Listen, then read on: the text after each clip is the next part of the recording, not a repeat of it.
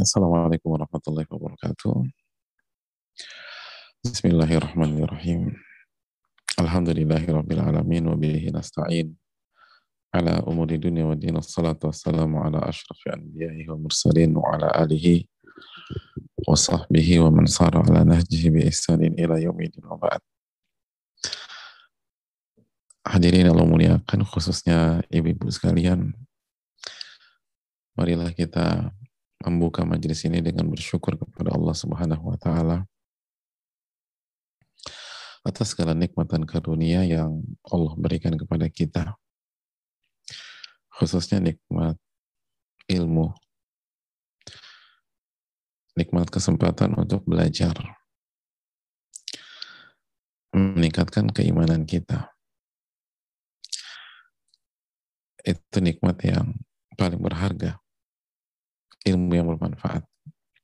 Maka bersyukurlah kepada Allah dan minta tolonglah kepada Allah agar kita benar-benar dikasih ilmu yang bukan hanya teori, ilmu yang bukan hanya retorika, ibu-ibu, tapi ilmu yang bisa kita manfaatkan di dunia dan bermanfaat bagi kita di akhirat. Allahumma inna nas'aluka ilman nafi'a wa na'udhu bika min ilmin la yanfa.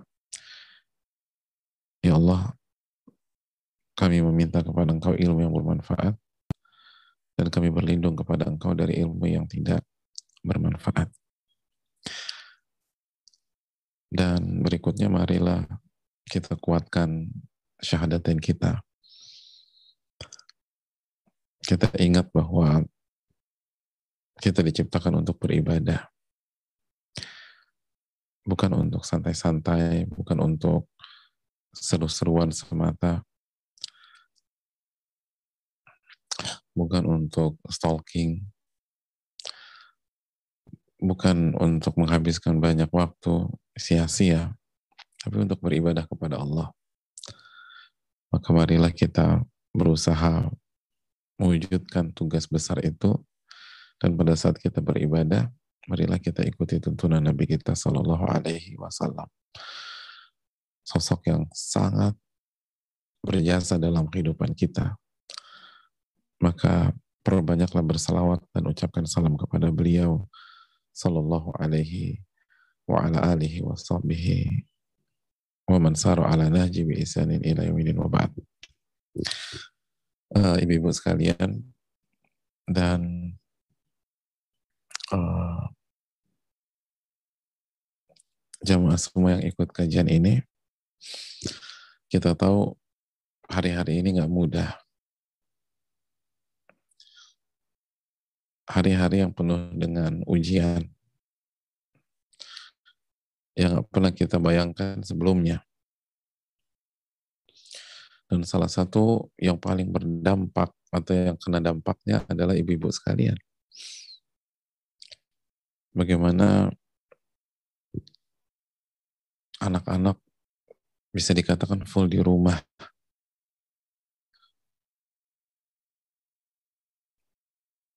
Suami pun lebih banyak di rumah. Senang memang. Tapi di sisi lain, ini artinya nama PR besar.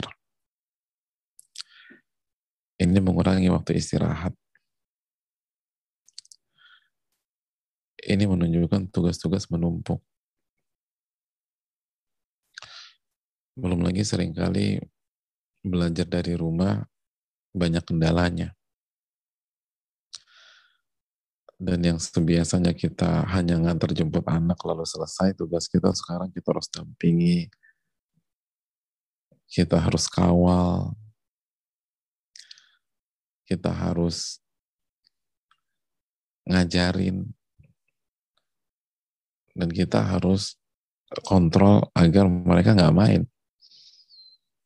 Karena pengawasan saat online sering kali lebih uh, lebih longgar daripada ketika mereka masuk ke sekolah mereka. Belum lagi potensi miskomunikasi dengan suami juga besar. Terlebih lagi kalau misalnya bisnis suami sedang turun atau usaha sedang terpuruk sering kali itu melahirkan potensi konflik yang nggak ringan karena mood berubah, uh, pikiran bertambah. Belum lagi kita rasakan banyak di antara kita yang di PHK atau suami kita yang di PHK. Otomatis tekanan tuh besar. Mikirin anak-anak, mikirin kita. Maka komunikasi nggak selancar dulu. Karena beban pikiran sudah uh, merasuki diri masing-masing. Belum lagi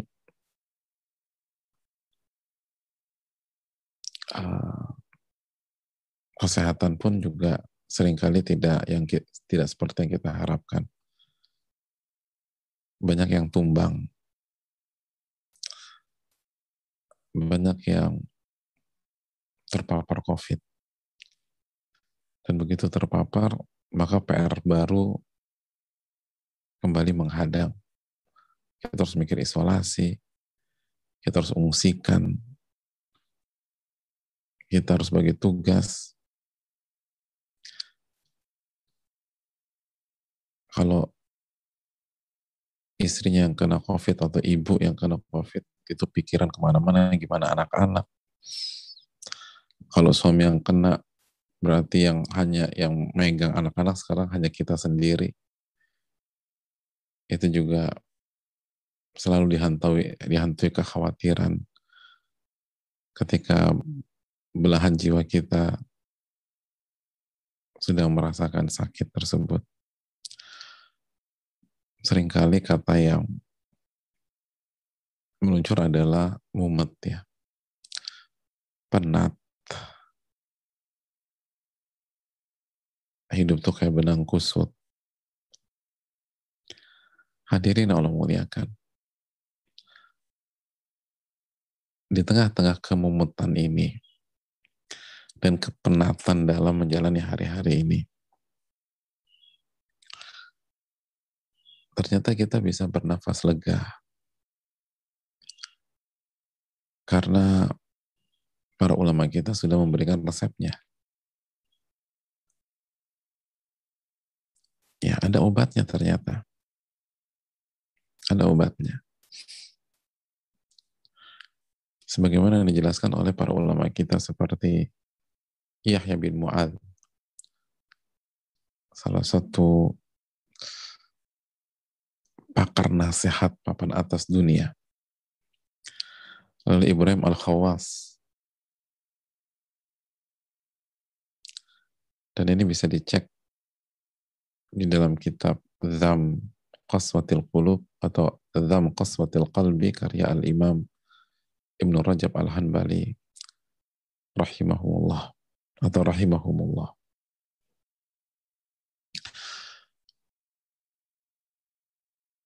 Mereka mengatakan bahwa obatnya ada lima, ibu-ibu sekalian. Obatnya ada lima untuk para bunda.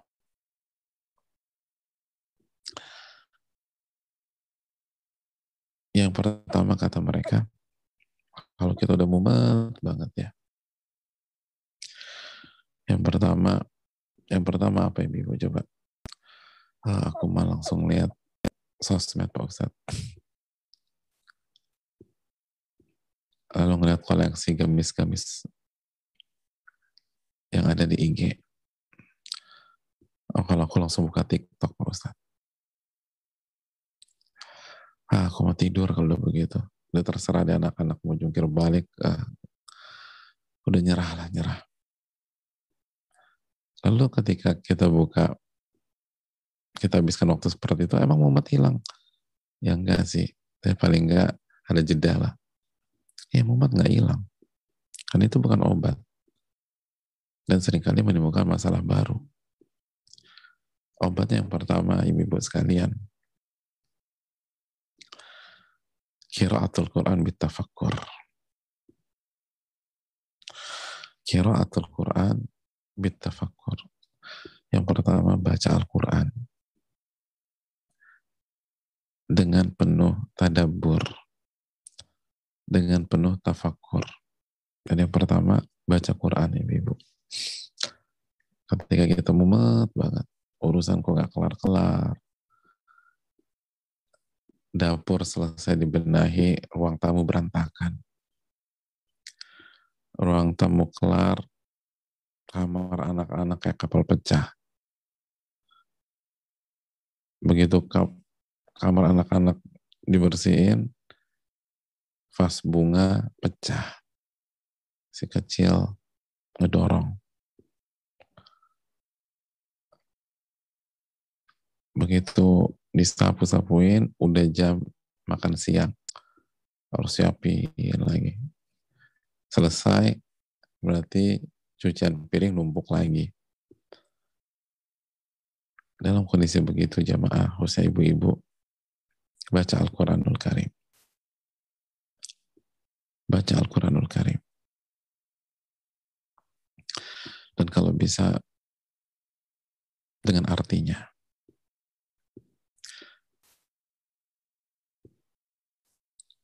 Dan tadaburi maknanya. Makanya pentingnya ikut kajian. Sehingga kita bisa mentadaburi ayat yang mungkin kemarin dikaji. Atau kemarin lusa dikaji atau minggu lalu dikaji dan berkaitan dengan keseharian kita. Baca Quran itu obat. Allah berfirman, Ala bidzikrillahi qulub. Dalam surat Ar-Ra'd ayat 28, ketahuilah dengan berzikir kepada Allah hati itu jadi tenang.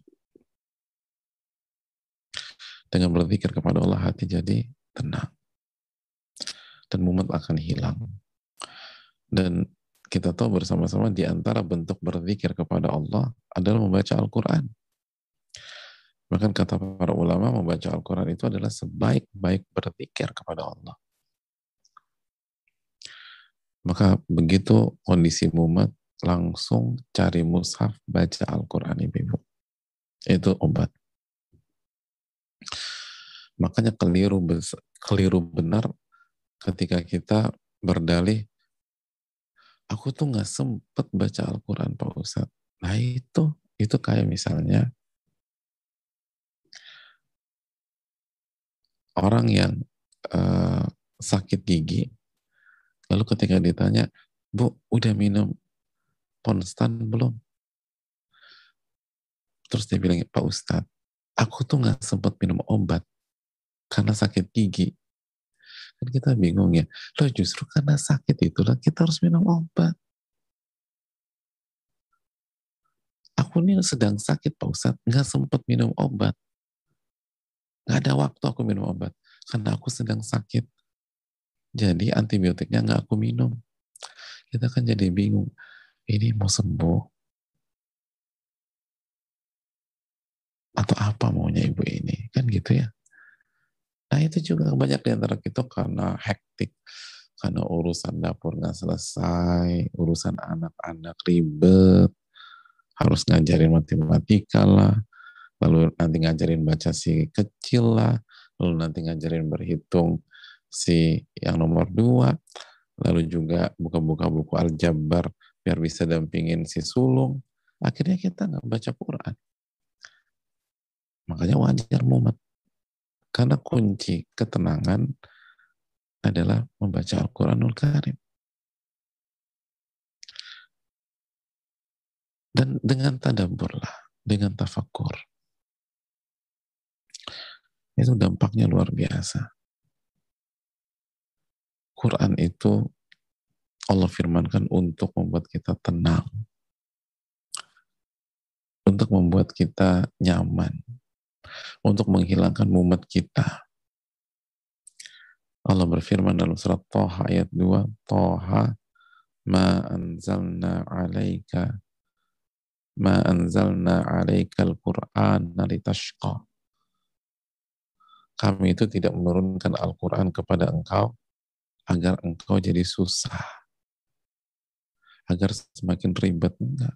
Justru Al-Quran itu Allah turunkan untuk membuat kita tenang.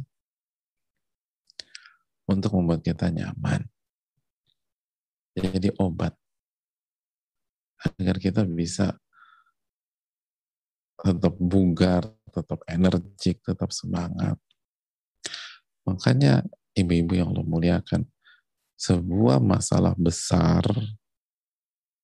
ketika kita tidak bisa membaca Al-Quranul Karim. Itu masalah besar.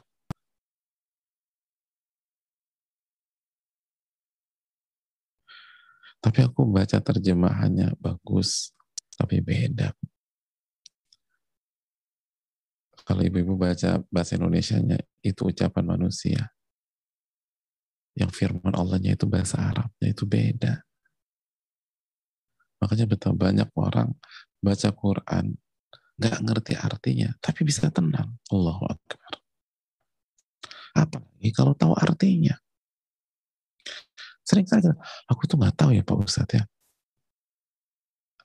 Aku baca ayat ini nih, aku nangis aja dan tenang perasaanku. Padahal aku nggak tahu artinya. Itulah beda bu antara firman Allah dan ucapan manusia. Makanya ini obat. Quran itu tuh bukan untuk membuat ribet, itu buat tenang, buat bahagia, buat nyaman. Makanya kita harus bisa baca Quran.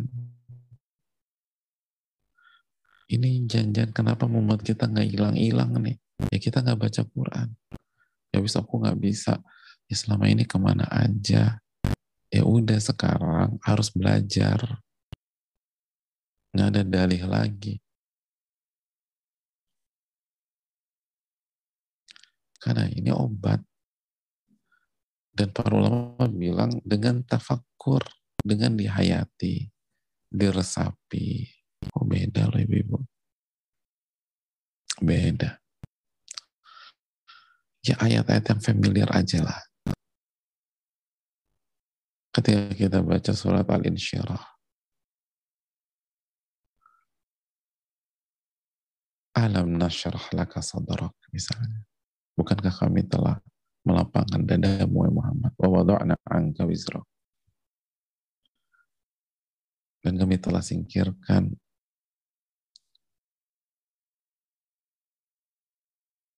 kekhilafan dan dosamu dari pundakmu. Alladhi anqadha. Yang selama ini menghambat. Wa rafa'na laka dhikrak dan kami angkat namamu Fa ma'al usri yusra. Itu beda ya. Sesungguhnya bersama dengan sebuah kesulitan ada banyak kemudahan. Inna ma'al usri yusra. Sesungguhnya bersama sebuah kesulitan ada banyak kemudahan. Coba resapi gitu, terus kita kaitkan. Oh iya benar juga ya. Ada banyak kemudahan. Tapi kita nggak sadar karena kita nggak punya waktu untuk tafakur. Kita nggak punya waktu untuk tadabur. Kita berkutat dengan hiruk pikuk dan kondisi kita sendiri. Makanya harus ada jeda. Harus ada jeda. Harus ada jeda. Kasih waktu lah gitu. Nggak, nggak, nggak. Misalnya, uh, ibu mau break dulu sebentar ya. 10 menit. Baca Quran. Baca Al-Quran. Oh itu beda. Resapi lagi? Fa inna ma'al usri yusra. Sesungguhnya bersama kesulitan ada kemudahan itu tenang aja hadirin. Enak tuh. Bersama kesulitan ada kemudahan enak lagi. Diulang lagi dua kali oleh Allah. Oh subhanallah. Ada coba nih, obat penat dan mumet baca Quran. Dan tadaburi, resapi, resapi hadirin. Lagi ribut-ribut sama suami gitu ya. Lagi ribut sama suami. Coba hadirin Allah muliakan, resapi Al-Qurannya resapi Al-Qurannya. Jangan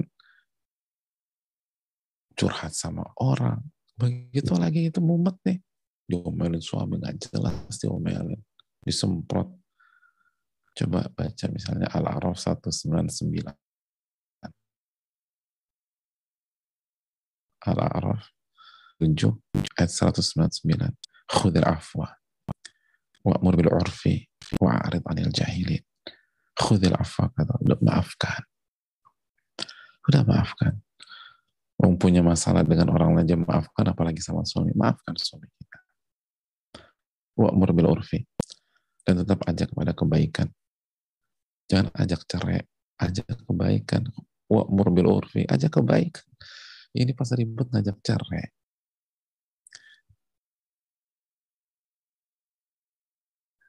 Ngajak debat. Bukan itu. Ngajak ribut. Bukan wa'mur bil urfi. Ajak kepada kebaikan. Wa'arid anil jahilin. Udah gak usah direspon lah sikap-sikap sikap-sikap bodoh atau hal-hal itu jangan direspon, jangan diresapi, jangan dimasukin ke hati, gitu loh jemaah. Jangan. Berpaling aja. Berpaling dari hal-hal yang nggak bermanfaat. Ini kita kita pendem. Aku nggak aku nggak nyangka suamiku bisa mengucapkan kata-kata itu. Loh kok dia tadaburi? Ini yang disuruh tadaburi itu Quran, bukan ucapan suami.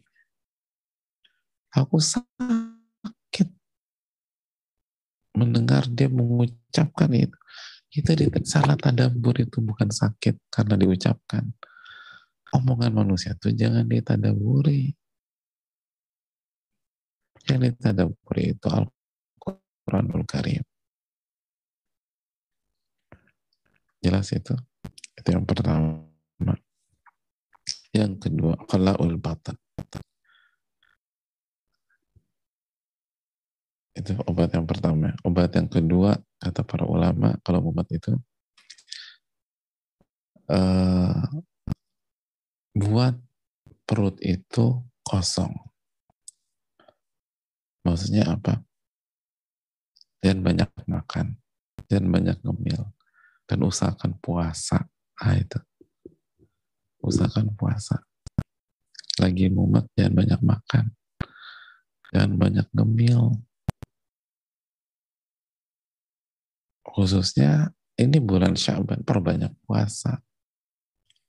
Nah, itu pengaruh, pengaruh. Nah, sebagian kita, loh, katanya banyak kesibukan di rumah. Katanya rumah kayak kapal pecah. Loh kok sekarang beratnya naik kamu tuh naik berapa kilo? 10 kilo semenjak pandemi. Masya Allah. 10 kilo setelah pandemi. Kenapa? Ngemil terus. Ya bisa aku kan tahu kalau aku lagi, kalau udah stres kerjaan aku makan aja. Nah ini penyakit sebagian kita. Kalau udah stres makan. Kalau udah mumet makan. Padahal konsep para ulama kalau mumet itu puasa. Nah itu. Kenapa? Karena kita butuh mengontrol hawa nafsu kita. Mumet itu jamaah sekalian, itu sangat berpotensi lost control. Ya kan? Kita lagi mumet, lagi penat, itu sangat berpotensi lepas kontrol dan emosi tidak terkendali. Kan gitu kan lagi capek, seterusnya. Nah, puasa itu mengendalikan hawa nafsu. Bukan sebatas lapar loh. Lapar justru sebaliknya. Makanya kan dalam beberapa beberapa teori kalau ingin membuat orang marah, buat dia lapar. Baru itu provokasi. Nah ini bukan sebatas lapar, ini puasa. Kurangi makan secukupnya, kalau bisa puasa, bukan lapar. Orang yang puasa itu lebih tenang. Dia sedang beribadah kepada Allah. Itu hadirin. Dan bisa lebih kontrol. Biar bisa lebih kontrol. Itu bisa di erat apa di di di diikat hawa nafsunya. Gitu hadirin.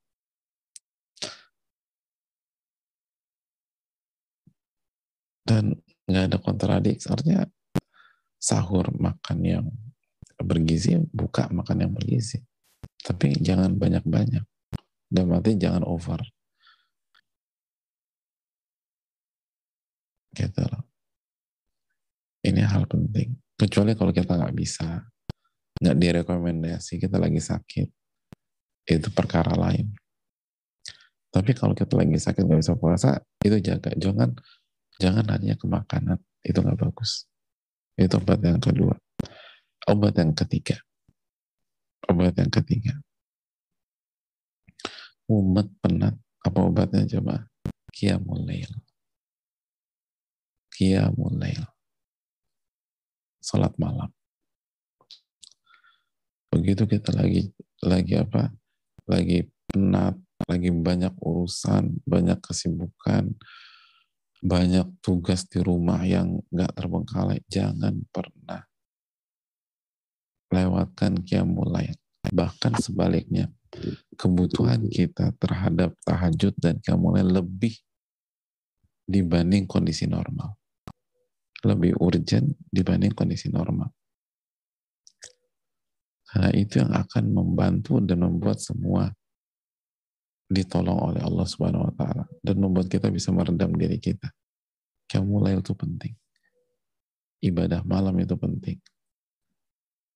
Makanya ketika Allah berfirman dalam surat Al-Furqan tentang ibadur rahman, ibadur rahman yang bisa mengendalikan emosinya, bisa tetap tenang dan gak mumet walaupun terprovokasi.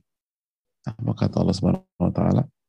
Wa ibadur rahmanil ladzina yamshuna 'alal ardi hauna wa idza khatabahumul jahiluna itu ibadur rahman hamba-hamba Allah. Nah, ini ibu ini hamba-hamba Allah jamaah hamba-hamba Allah. Alladzina yamshuna 'alal ardi hauna yang ketika jalan uh, yang ketika jalan di permukaan bumi berjalan dengan penuh ketawaduan kerendah hatian. Jadi jalannya tuh kelihatan low profile, nggak angkuh, nggak petantang petenteng. Terus lihat, wa idza khatabahumul jahiluna qalu salama. Dan orang-orang yang apabila diajak bicara oleh orang-orang bodoh, maksudnya diprovokasi, dicela, dihina, dikata-katain gitu ya, diajak ribut, lu salama, nggak terpancing, nggak mumet, nggak penat, tapi tetap berkata yang baik. Tetap berkata yang baik. Dan ketenangan. Emosinya bisa diredam. Nah ternyata apa sih kebiasaan mereka? Ah, kita lihat ayat berikutnya, ayat 63. وَالَّذِينَ يَبِيتُونَ لِرَبِّهِمْ sujada wa qiyama. Nah ini, ini ternyata mereka itu punya aktivitas di malam hari. Walladzina yabituna li rabbihim sujada wa qiyama. Mereka adalah orang-orang yang mengisi waktu malam mereka dengan sujud dan mereka qiyamul lail untuk Rabb mereka. Masya Allah. Makanya mereka nggak terprovok, makanya mereka nggak penat gue ini penat banget gue dikata terus sama dia oh enggak enggak ada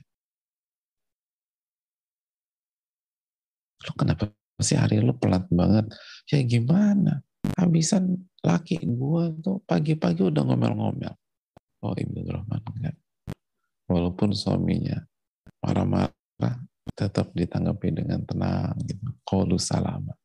Lihat sebelumnya. Kenapa demikian? Karena mereka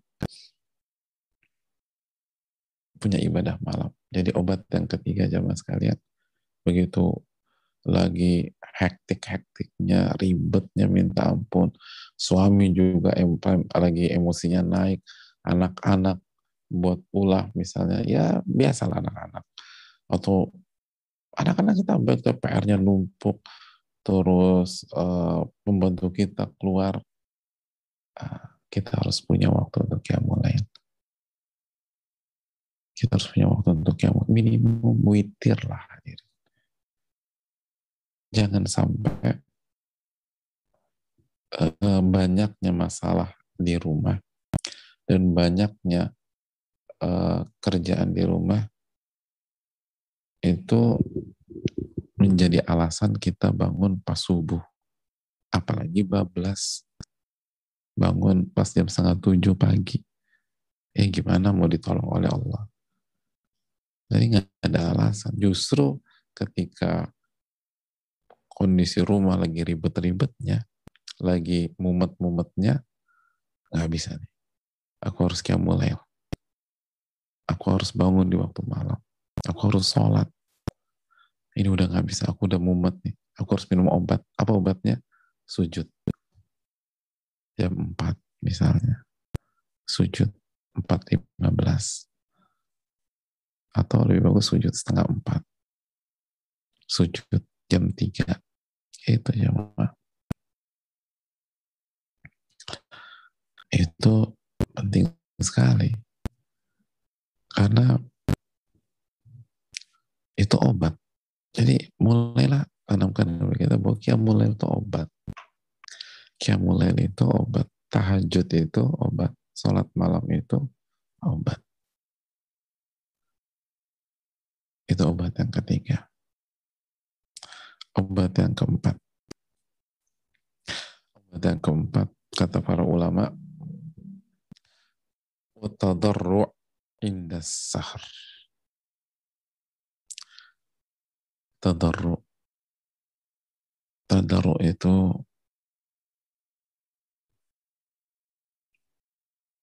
uh, merendah. Beribadah.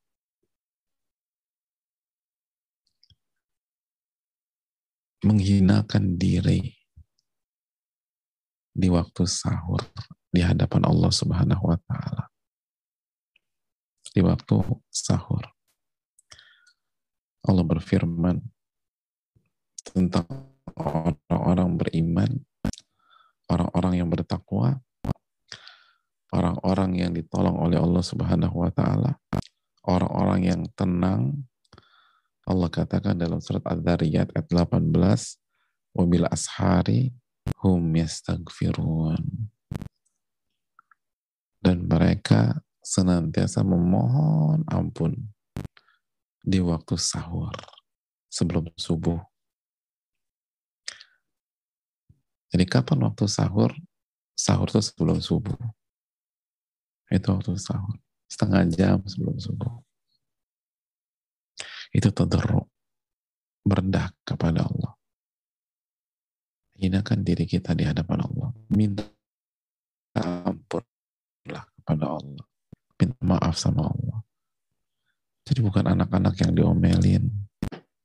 Kita yang minta ampun sama Allah. Dan itu mobil ashari hum yastaghfirun. Mereka minta ampun di waktu sahur.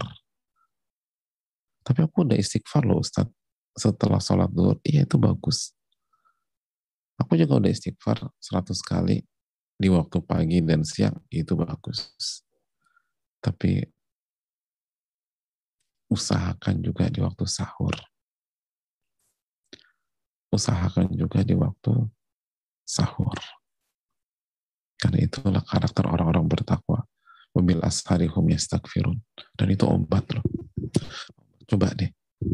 Lagi mumet, lagi penat, aduh aku harus bangun nih gitu makanya makanya uh, hadirin sebelumnya sholat dulu nah mendekati subuh istighfar sama Allah mendekati subuh itu merendah kepada Rabbul Alamin itu makanya bangun misalnya jam setengah empat minimum lah kalau sekarang ya. atau semepet-mepetnya jam 4 lah. Udah sholat dulu, lalu beristighfar. Lalu beristighfar. Jadi jangan bangun 5 menit sebelum subuh ya bagus sih, artinya paling nggak sholat subuhnya selamat. Tapi nggak ada mulai dan nggak ada tadarru, nggak ada mendah, nggak ada beribadah, nggak ada menghinakan diri di hadapan Allah di waktu sahur. Jadi ada dua obat yang nggak diminum. Nah kalau ada dua obat yang nggak diminum, kira-kira pengaruh tuh pada kemumetan kita pada hari itu? Jelas pengaruh. Jelas pengaruh. Coba dihadirin. Itu obat yang keempat. Obat yang kelima, yang terakhir, memujalah satu salihin.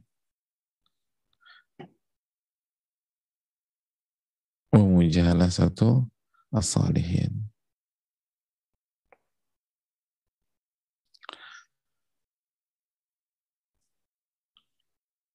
Bergaul dan duduk bersama orang-orang soleh. Lihat itu kalau mumet ibu-ibu dan kita semua jangan sendirian. Betul, ada me time. Kita baca Quran tadi. Dan itu bukan me time untuk untuk khusus diri sendiri ya baca Quran. Ada mulai betul. Ada tadarruk di waktu sahur. Tapi kita juga harus duduk dan beragaul dengan orang-orang soleh. Jangan sendirian. Jangan sendirian. Duduk dan bergaul dengan orang-orang soleh.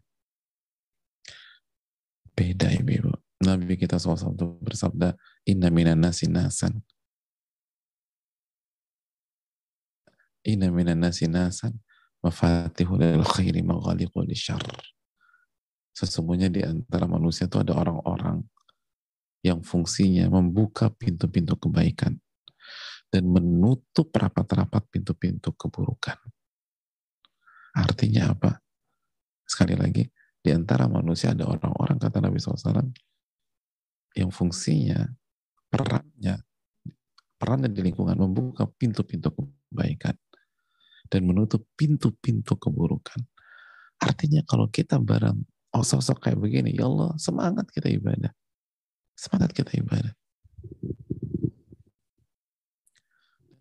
Pikiran-pikiran untuk maksiat, untuk melakukan kemungkaran hilang.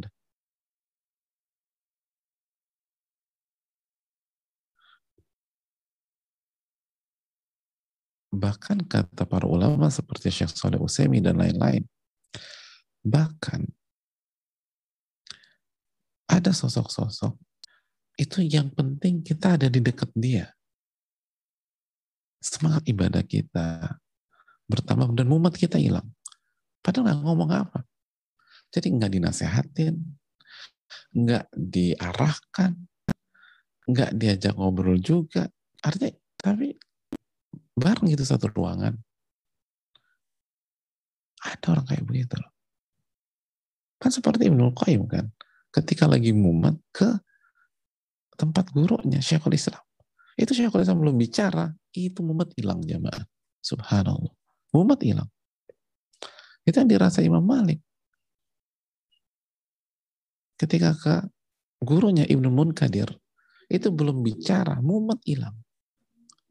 Jadi nggak pakai bicara. Subhanallah.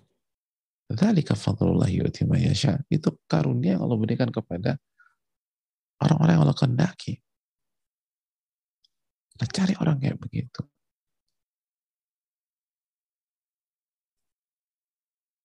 Cari orang demikian. Itu itu sabda Nabi kan. Sallallahu alaihi. Ada di antara manusia yang perannya itu ngebuka pintu kebaikan. Bahkan tanpa bicara, pintu kebaikan terbuka. Tanpa bicara. Cukup dengan kehadiran dia. Cukup dengan kehadiran dia, kita semangat. Allah kasih semangat. Itu, itu keberkahan. Cukup dengan kebersamaan dengan orang-orang kayak begitu. Itu mumet hilang, subhanallah. Mumet hilang. Dekatlah dengan orang itu. Mujalah sesalihin. Duduklah bersama orang-orang soleh. Berinteraksilah. Maka mumet akan hilang. Bismillah. Ini yang bisa disampaikan ibu-ibu sekalian. Jadi ada lima obat mumet Yang pertama apa? Membaca Al-Quran dengan tadabbur, dengan tafakur, dihayati, diresapi. Yang kedua, jangan banyak makan. Jangan banyak ngemil. Ngemil boleh tapi jangan banyak-banyak. Justru kalau bisa puasa. Karena itu penting. Karena kita butuh mengontrol hawa nafsu kita.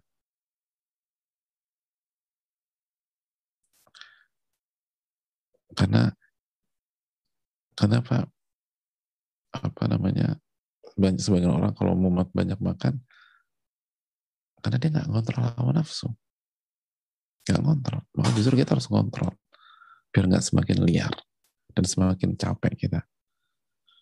Jadi harus nahan memang. Awal-awal nggak enak tapi lebih bagus. Dan umat itu insya Allah akan berkurang. Terus yang ketiga kiamulail. Itu obat yang ketiga.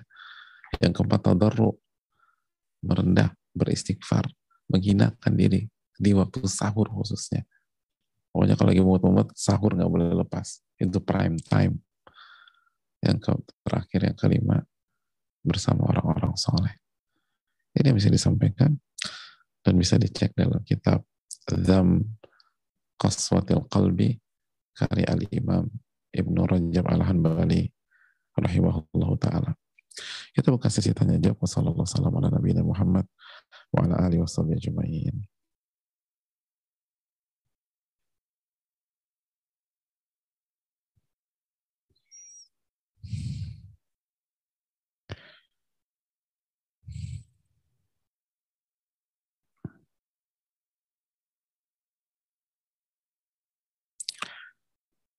Uh, Assalamualaikum warahmatullahi wabarakatuh. Pak Ustadz Waalaikumsalam warahmatullahi wabarakatuh. Semoga Allah selalu menjaga Pak Ustadz, keluarga, tim, dan seluruh kaum muslimin. Amin ya alamin. Pak Ustadz izin bertanya bagaimana cara kita memberikan pengertian kepada anak bahwa jangan membalas dan membenci perbuatan tidak baik yang dilakukan oleh teman sekolahnya? Jangan membalas dan membenci perbuatan yang tidak baik. Perbuatan tidak baik harus dibenci mungkin jangan membenci teman sekolahnya mungkin itu ya. Uh, karena apa namanya perbuatan tidak baik harus dibenci. Kita harus cinta dengan perbuatan baik dan membenci perbuatan yang tidak baik. Tapi jangan membenci teman sekolahnya hanya karena satu dua perbuatan tidak baik mungkin itu. Menurut anak saya perbuatan tidak baik temannya itu membuat dia kecewa dan malu di sekolah. Mohon penjelasan Pak Ustadz, bagaimana cara saya memberikan pengertian kepada anak saya tanpa harus membuat dia merasa bahwa saya tidak ada maksud untuk tidak membuat anak saya tidak membela. Gimana sih? Bagaimana cara saya memberikan pengertian kepada anak saya tanpa harus membuat dia merasa bahwa saya tidak ada maksud untuk tidak membuat anak saya tidak membela anak saya. Apa maksudnya ya? Tapi kira-kira uh, kita paham lah. Jazakallah khairan. Barakallahu fikum. Maksudnya jangan sampai anak kita berpikir kita sebagai orang tua yang tidak membela dia. Gitu ya. Jamaah sekalian, mas yang pertama perbanyak istighfar sebagai orang tua. Karena sekali lagi kata para ulama klasik, jamaah dan ibu-ibu, ketika ada masalah dengan anak kita, maka itu pesan dari Allah untuk kita sebagai orang tua. Jadi ketika anak kita ada masalah, sebenarnya itu pesan dari Allah kepada kita sebagai orang tua. Tapi kita lupa, justru kita marah-marah sama anak kita. Itu pesan. Allah berfirman, "Wa ma'asabakum min musibatin fa bima kasabat aydikum." Apa pun yang menimpa kalian itu disebabkan atau itu punya itu ada andil dari perbuatan tangan kalian sendiri. Wa ya'fu an dan Allah sudah hapuskan banyak kesalahan kalian. Asyura 30. Dalam kasus ini ada dua kesalahan paling tidak ya. Yang pertama, dosa kita daerah kepada Allah Subhanahu wa taala. Maka perbanyak istighfar dan tobat agar Allah ampuni. Dan ada dampak deh pasti. Yang kedua, ini salah didik. Karena merasa malu di sekolah, kecewa sama teman, itu ketika uh, kita kurang mendapatkan pendidikan tentang keikhlasan. Bahwa hidup ini cari ridho Allah. Cari pujian dari Allah, bukan pujian manusia.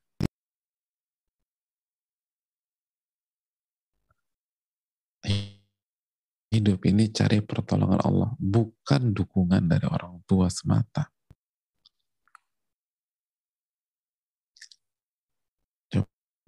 apa yang dikatakan Nabi SAW kepada Ibnu Abbas. Kata Ibnu kata Nabi ini konsepnya Nabi SAW kepada anak kecil. Wa'lam annal ummata lu ijtama'at ala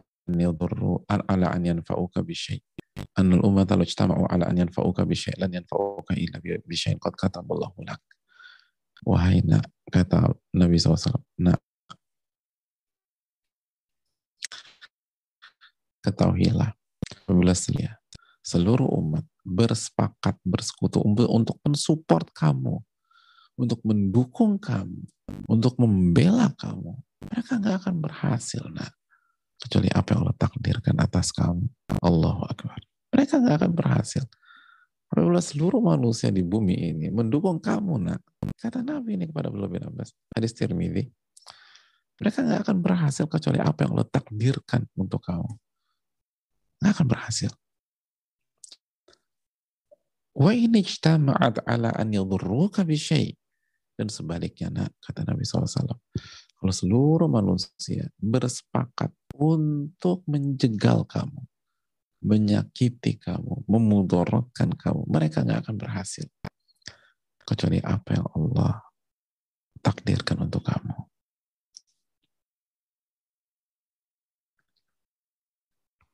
maka kembalilah kepada Allah. Jangan fokus ke manusia. Kembalilah kepada Allah. Ini adalah kekurangan kita dalam mendidik mereka tentang keikhlasan, tentang nama-nama dan sifat Allah, tentang betapa hebatnya Allah dalam menolong hamba-hambanya. Sehingga yang jadi parameter akhirnya dukungan atau tidaknya atau dukungan orang tuanya atau tidak dukungan orang tuanya. Padahal itu bukan bukan bukan bukan akar masalah. Oleh karena itu hadirin, ini simptom dari masalah yaitu kurangnya kita mendidik anak dalam masalah keikhlasan. Coba ajarkan keikhlasan. Dan jangan cari ridho manusia. Sebagaimana jangan minder karena dicela atau dipermalukan manusia. Itu hal yang paling penting hadirin. Kata Al-Imam Ibn Qudamah Al-Maqdisi I'lam anna aktharan nas innama halaku li khufi madhammatin nas wa bimadahihim ketahuilah ini hasil researchnya para ulama ya Ibn Qudam al-Maqdisi dan Mukhtasar min, min uh, Mukhtasar min Hajil Qasidin. Salah satu buku sangat fenomenal. Kata beliau ketahuilah mayoritas manusia itu hajur karena takut dicela oleh manusia. Dan hancur karena ingin dipuji oleh manusia. Itu membuat mayoritas orang hancur. Maka jangan sampai kita menghancurkan anak-anak kita. Karena membiarkan mereka menjadikan manusia sebagai tolak ukur. Allah Ta'ala bisa.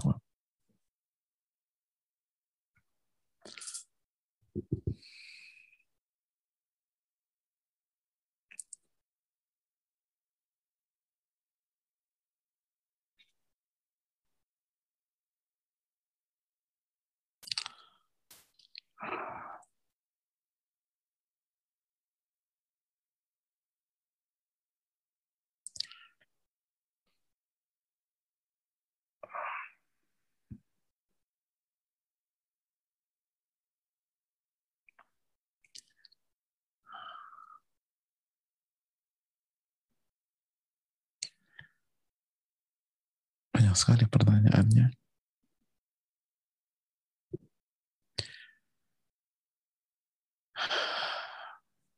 Assalamualaikum warahmatullahi wabarakatuh. Waalaikumsalam warahmatullahi wabarakatuh. Semoga Ustadz, keluarga, tim, semua umat muslim diberi banyak keberkahan dan selalu dirahmati oleh Allah Subhanahu wa taala. Amin ya alamin. Izin bertanya Ustadz, Ustadz mohon kiat-kiat untuk memperbaiki diri menjadi wanita berkualitas dan bisa berpikir luas. Dan bagaimana cara menimbulkan rasa cinta terhadap ilmu? Mohon bimbingannya Ustadz, saya pengen jadi wanita yang cerdas menurut agama dan dunia. Jazakallah khair Ustadz, terima kasih. Yang pertama doa jemaah. Doa minta pertolongan kepada Allah. Yang kedua, ikhlaskan niat. Dan jujurlah kepada Allah. Emang kalau kalau jadi wanita cerdas mau ngapain? Itu harus clear. Untuk apa kita jadi wanita cerdas? Hanya untuk memamerkan atau untuk mencari ridho Allah Subhanahu wa taala. Yang ketiga mulai dari ilmu dan belajar. Harus belajar, belajar dan belajar. Menuntut ilmu, menuntut ilmu dan menuntut ilmu dan bagaimana menumbuhkan rasa cinta terhadap ilmu? Pelajari tentang keutamaan ilmu. Pelajari tentang keutamaan ilmu. Kita nggak akan cinta kepada sebuah sebuah hal atau sama seseorang kalau kita merasa dia nggak punya kelebihan. Kita akan cinta kepada seseorang ketika kita tahu dia punya kelebihan. Atau kita akan suka sama sebuah barang dan dan sayang sama barang tersebut ketika kita yakin barang itu punya banyak kelebihan. Maka pelajarilah keutamaan Allah taala dan uh, terakhir bergaul dengan orang-orang yang lebih senior dan lebih berilmu dari kita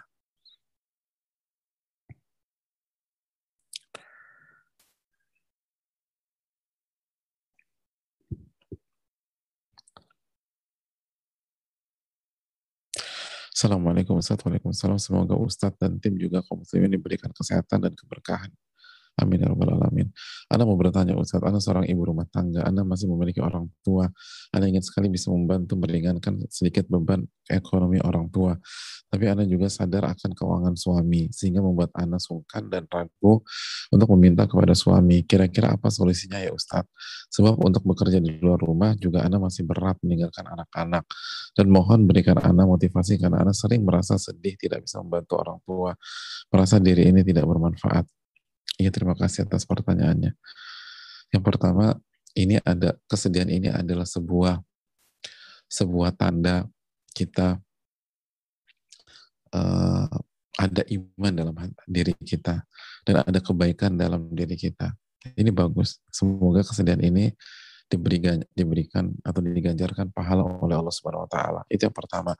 Yang kedua, hadirin Allah muliakan.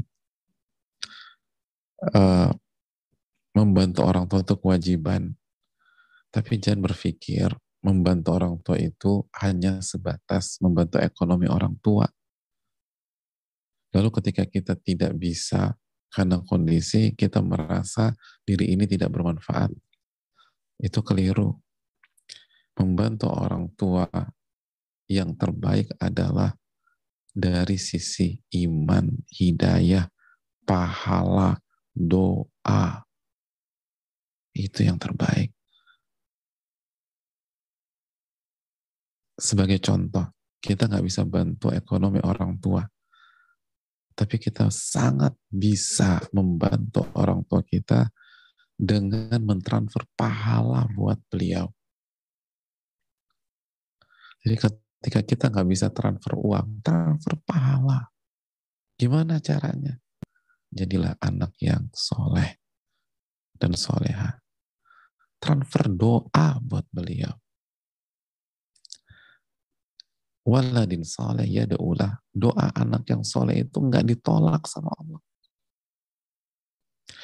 Lalu jadilah istri yang soleha.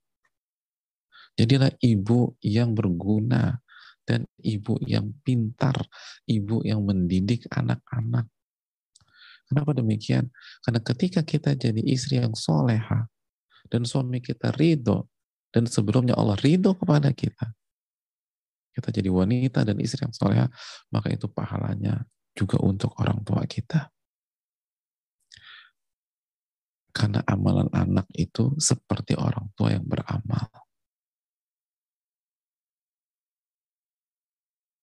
Itu yang dijelaskan hadis Nabi di atas.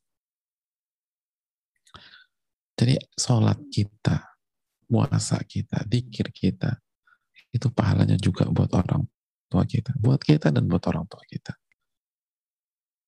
Saat kita jadi istri yang soleh, itu pahalanya untuk orang tua kita juga.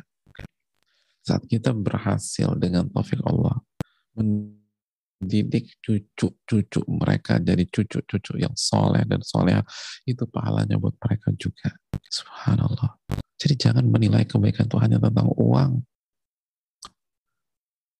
kita bukan kaum material materialistis bukan atau kita nggak menganut madhab materialisme yang semuanya diukur dengan materi dan uang sampai ingin berbuat baik harus diukur dengan uang enggak Makanya masih ingat kajian Riyadus Solihin di atas, kayak tadi pagi, ketika orang-orang miskin merasa nggak bisa bersedekah dengan uang, apa kata Nabi? Setiap tasbih itu sedekah. Setiap takbir itu sedekah. Setiap tahmid itu sedekah. Jangan pernah menilai kebaikan hanya tentang materi. Allah Ta'ala misawab. Tapi nggak ada salahnya diskusi dengan suami. Kalau memang memungkinkan, asal juga kita tahu karakter suami kita tidak membebani beliau. Tapi kalau sampai membebani beliau, jangan. Apalagi kita tahu memang suami kita bukan orang kaya. Ya. Jadilah istri. Jadilah seperti Ummu Sulaim. Masih ingat cerita Ummu Sulaim? Sampai anak yang meninggal aja beliau tidak membebani suami dan beliau cari waktu yang paling tepat dan tetap berkhidmat sama suami Allah dalam Islam.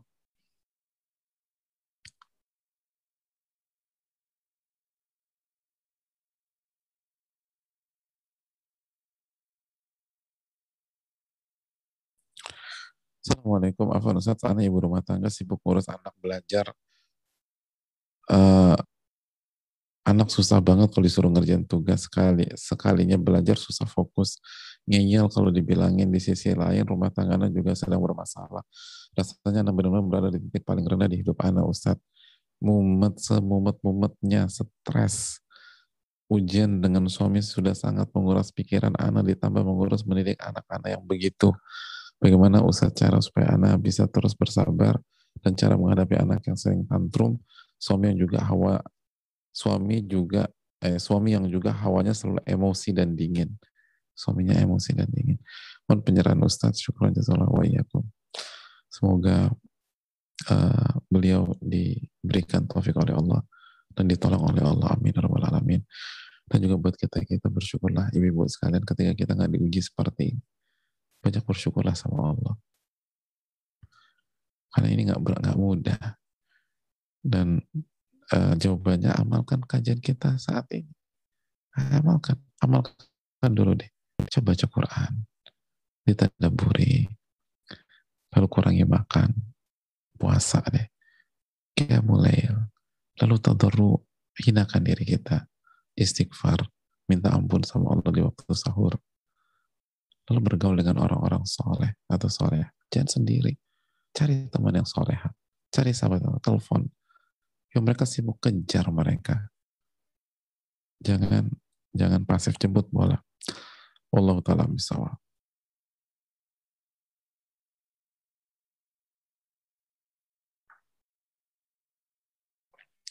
Assalamualaikum warahmatullahi wabarakatuh. Waalaikumsalam warahmatullahi wabarakatuh. Assalamualaikum wa iyyakum. Semoga Pak Ustadz, keluarga serta seluruh kaum muslimin selalu diberi hidayah dan taufik oleh Allah Subhanahu wa taala untuk senantiasa istiqomah berjalan di atas jalan yang Allah ridhoi. Izin bertanya, ketika kita mengajak teman untuk ikut kajian, apakah boleh dengan memberikan testimoni tentang apa yang dirasakan oleh diri sendiri selama rutin mengikuti kajian? Misalnya dengan taufik Allah, saya merasakan ketenangan hati, walaupun berada di tengah himpitan ujian. Dan sering kali permasalahan-permasalahan terhadap saya dengan Islam bisa terurai melalui kajian. Apakah cara tersebut termasuk mentazkiyah diri sendiri? Mohon nasihatnya Pak Ustaz. Jazakallah khairan barakallahu fikum. Jawabannya enggak. Insya Allah enggak. Insya Allah masuk ke dalam wa amma bini'mati rabbika wa amma bini'mati rabbika fahadith. Adapun nikmat Rabbmu ceritakan. Tapi harus hati-hati. Jangan sampai akhirnya terbawa terbawa uh, apa biusan syaitan akhirnya ria. Akhirnya ujub. Dan ini tipis banget antara wa amma bi ni'mati rabbika fahadith adapun nikmat Rabbmu maka ceritakan dalam surat Ad-Duha ayat terakhir. Dan dengan ria itu tipis banget. Nah, oleh karena itu kalau kita khawatir kita terjatuh kepada ria, kita bisa cerita tentang diri kita tapi jangan sebut identitas. Dia bilang saya tuh kenal, saya kenal baik dengan seseorang yang baru cerita. Ya kenal baiklah orang itu diri kita sendiri gitu loh. Tapi kita bisa gunakan cara begitu. Saya kenal baik sama seseorang yang kehidupannya berubah setelah kajian dan berusaha mengamalkan kajian tersebut. Ayo dong, kajian dong gitu. Kita sama-sama berusaha. Allah mungkin itu.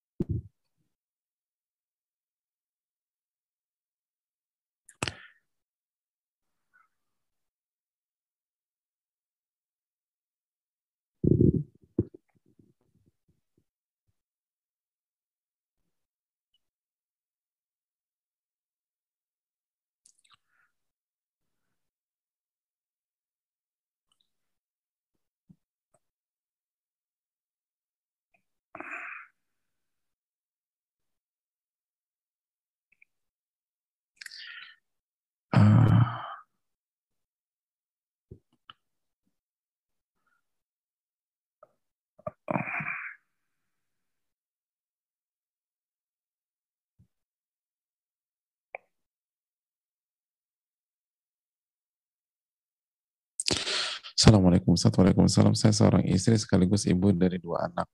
Saya bingung banget Ustaz. Saya mengalami masalah yang sangat besar dalam keluarga kecil saya. Mungkin ini ujian dari Allah Subhanahu wa taala.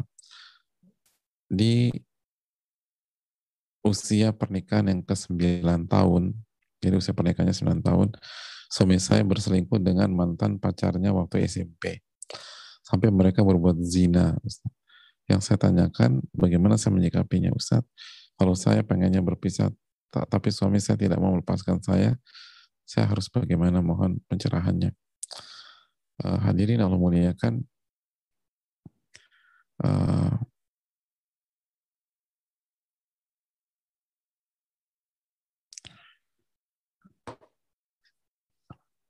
yang pertama zina itu fatal ya zina itu fatal dan itu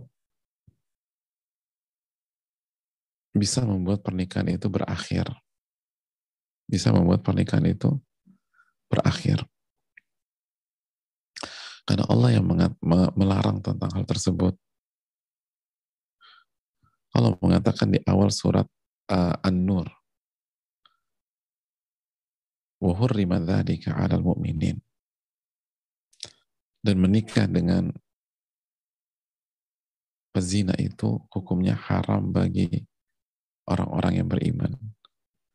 Jadi menikah dengan pezina hukumnya haram bagi orang-orang yang beriman. Gak boleh.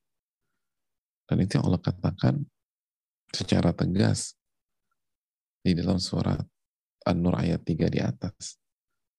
Awal ayatnya kan wazan eh, uh, awal ayatnya azani layan kihu illa zaniyatan laki-laki pezina tidak menikah kecuali dengan wanita pezina. Al musyrikah atau wanita musyrik. Wazaniyatu la yankihuha illa zanin.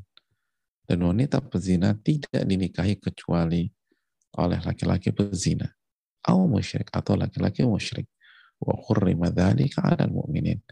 Dan menikah dengan pezina hukumnya haram bagi orang-orang beriman. Ini nggak mudah. Nah, oleh karena itu perlu ditindaklanjuti kalau seperti ini. Hanya saja status berzina itu bisa hilang jika suami kita sudah bertaubat. Suami kita sudah bertaubat. Maka Allah, Allah Ta'ala bisa yang terbaik ya, ajak suami kita bertaubat. Lalu coba pertahankan pernikahan. Karena sekali lagi, nggak mudah. Nggak mudah untuk wanita untuk bercerai lalu bertahan dalam kondisi single tuh nggak mudah. Apalagi kalau suami kita mau berubah, suami kita mau bertobat. Dan coba konsultasikan dengan ahli ilmu secara khusus masalah ini. Wallahu ta'ala misalnya.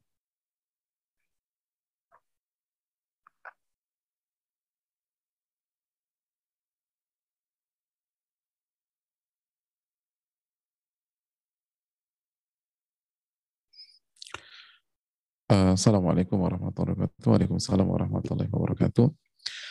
Uh, semoga ustazah dan keluarga tim seluruh kaum muslim selalu dalam lindungan Allah Subhanahu wa taala. Saya ini bukan perempuan, Ibu. Ustazah itu perempuan. Guru perempuan atau ustaz perempuan jadi ustazah. Alhamdulillah saya laki-laki. Uh, uh, oh, sekarang baru benar. Ustadz sebelum bertanya saya bahagia sekali bersyukur. Alhamdulillah kajian wanita kembali hadir di hari Senin ini. Alhamdulillah semua berkat taufik dan uh, kemudahan dari Allah Subhanahu wa taala lalu uh, teman-teman dan panitia-panitia yang berusaha mewujudkan ini. Uh, semoga Allah memudahkan Ustadz dan tim agar tetap mengadakan kajian wanita ini. Amin. Semoga Allah mudahkan. Ustaz saya wanita masih single. Jika ada waktu beribadah kiamulail, saya sulit untuk meneteskan air mata. Namun jika saya mengikuti kajian, uh, baik yang kajian wanita dan redu solihin, hampir tiba-tiba saya meneteskan air mata ketika ada ucapan Ustaz yang membangun memori saya tentang kesalahan saya tentang kemahakuasaan Allah. Apakah saya termasuk hamba yang keras hatinya Ustaz? Uh, ketika kita mulai rasanya sulit dan jika tidak benar-benar fokus maka tidak keluar air mata. Jazakallah khair barakallahu fiik. Ya, terima kasih atas pertanyaannya. Hadirin Allah muliakan. Uh, insya Allah enggak ya. Tapi butuh proses, butuh perjuangan. Emang nggak mudah. Dan banyak ulama klasik itu bertahun-tahun berjuang untuk bisa mudah dalam menangis jadi hadirin Allah muliakan butuh proses. Terus dilatih, terus ditadaburi, ingat dosa. Dan dan bisa jadi kita nangis bukan hanya ingat dosa, tapi nangis bahagia. Ingat betapa baiknya Allah Subhanahu wa taala kepada kita. Lalu ingat lagi dan betapa tidak bersyukurnya kita sebagai seorang hamba. Oleh karena itu hadirin harus pelan-pelan dan minta pertolongan kepada Allah. Ya mukallibal qulub tabit qalbi ala dinik. Wahai yang membolak-balikan hati, kokohkanlah hatiku di atas agamamu. Dan minta hati yang bersih. Was'aluka was'aluka lisanan sadiqa wa qalban salima. Atau qalban salima wa lisanan sadiqa. Ya Allah, aku minta hati yang bersih dan lisan yang jujur. Wallahu ta'ala alam bisawab.